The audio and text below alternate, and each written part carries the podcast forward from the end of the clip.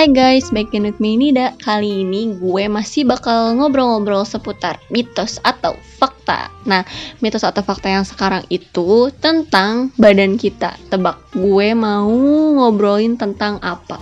Mata, kah, tangan kah, kaki kah, mulut, rambut, hmm. Yang benar adalah gue pengen bahas mitos atau fakta tentang gigi dan mulut. Pokoknya seputar itulah gitu. Jadi nggak usah lama-lama langsung aja. Yang pertama. Menyekat gigi dengan bulu sikat gigi yang keras dan kuat dapat membuat gigi kita lebih bersih. Betulkah begitu? Ada nggak sih yang pernah ngalamin kayak aduh gue pengen gigi gue lebih bersih. Udah ah, kencengin aja deh. Atau misalnya kayak kerasin aja deh kuatin gitu kan. Makin kuat makin bersih makin hilang. Kotorannya maksud gue bukan giginya faktanya. Faktanya menyikat gigi dengan bulu sikat yang kenceng yang keras atau yang kuat kayak gitu terus kayak ada tekanannya gitu itu tuh sebenarnya malah nggak bagus buat gigi kita. Bukan bikin gigi kita lebih bersih tapi justru malah akan merusak lapisan gigi kita. Jadi kayak lapisan yang paling atas ini tuh lapisan email gigi itu tuh bisa terkikis.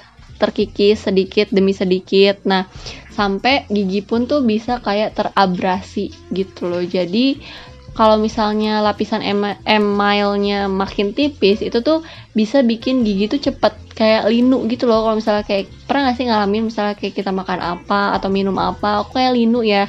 Itu bisa jadi karena lapisan email kita tuh uh, tipis gitu deh. Itu kenapa kita tuh suka linu. Jadi tuh jangan kencang-kencang lah kalau nyikat gigi yang sewajarnya aja gitu selanjutnya apakah gusi berdarah saat menyikat gigi merupakan hal yang normal? Hmm gue selama nyikat gigi nggak pernah berdarah sih gusinya. Alhamdulillah ya gue masih normal-normal aja.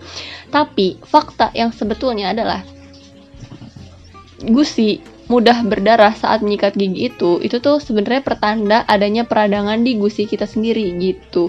Jadi gusi yang sehat itu sebetulnya berwarna merah muda terus bentuknya itu mengikuti kontur gigi terus permukaannya kesat terus gak mudah berdarah gitu. Jadi uh, sebetulnya kalau misalnya gusi berdarah pas kita nyikat gigi itu nggak normal sih.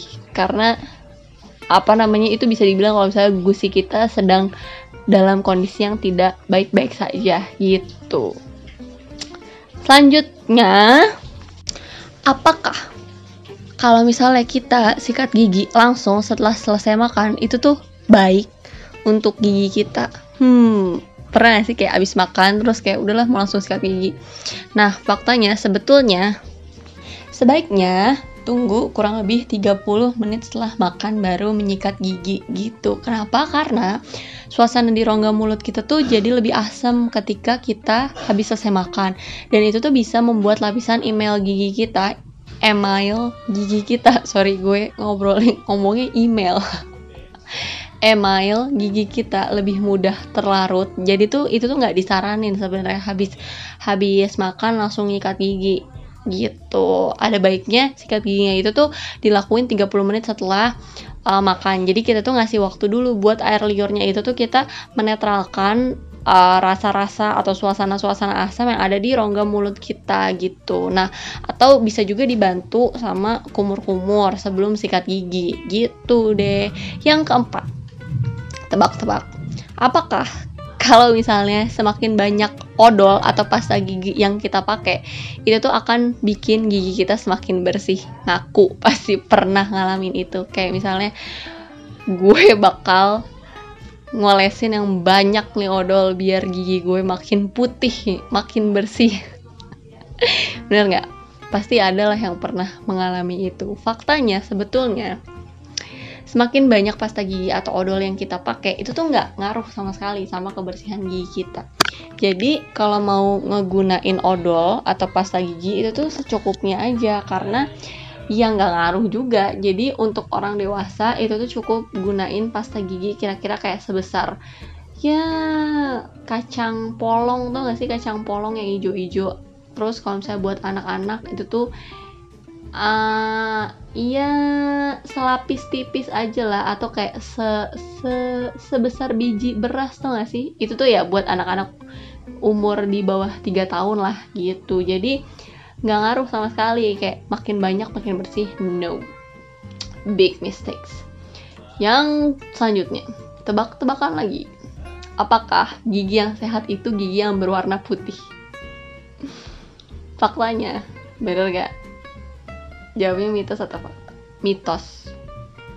Karena yang sebetulnya itu gigi yang sehat itu tuh hmm, dipengaruhi sama berbagai faktor. Jadi tuh nggak putih. Jadi maksudnya bukan itu. Jadi maksud gue putih itu bukan satu buah penanda bahwa gigi kita sehat. Nggak karena banyak faktor ya kayak faktor usia kebiasaan ngerokok pola makan sehari-hari pokoknya semuanya itu. Jadi nggak cuma sekadar warna putih doang tapi gigi yang sehat itu tuh gigi yang nggak berlubang nggak mengalami apa namanya kayak goyang-goyang gitu. Terus nggak ada item-item kayak gitu. Bukan warna. Selanjutnya. Apakah sakit gigi dapat disembuhkan hanya dengan minum obat anti nyeri atau kayak analgesik gitu. Tebak. Hmm. Sebenarnya ya bisa dibilang bener bisa dibilang enggak. Karena obat anti nyeri itu atau analgesik itu tuh ya bisa nyembuhin sih. Cuma kayak ya sementara aja nggak nggak bisa menyembuhkan selamanya gitu. Jadi tuh ya ya nggak permanen gitu. Jadi kalau misalnya emang mau hilang terus-terusan itu tuh ya kita harus ke dokter gitu. selanjutnya kalau misalnya kita sakit gigi apakah lebih baik gigi kita dicabut saja? Itu tuh kayak cara paling cepet nggak sih kalau misalnya kayak sakit gigi udah cabut aja gitu kayak jalan pintas? Padahal sebetulnya pencabutan gigi itu tuh itu tuh bener-bener kayak langkah terakhir banget. Jadi jangan yang kayak sakit gigi dikit cabut. Sakit gigi sedikit cabut. Abis dong lama-lama. Say ya kan dokter gigi aja tuh bahkan nyaranin itu tuh udah kayak langkah terakhir terakhir terakhir banget banget banget gitu. Jadi kalau misalnya selama gigi masih bisa dirawat masih bisa di disembuhin itu tuh bakal dilakuin hal itu dulu. Baru nanti cabut kalau misalnya emang udah nggak bisa banget gitu.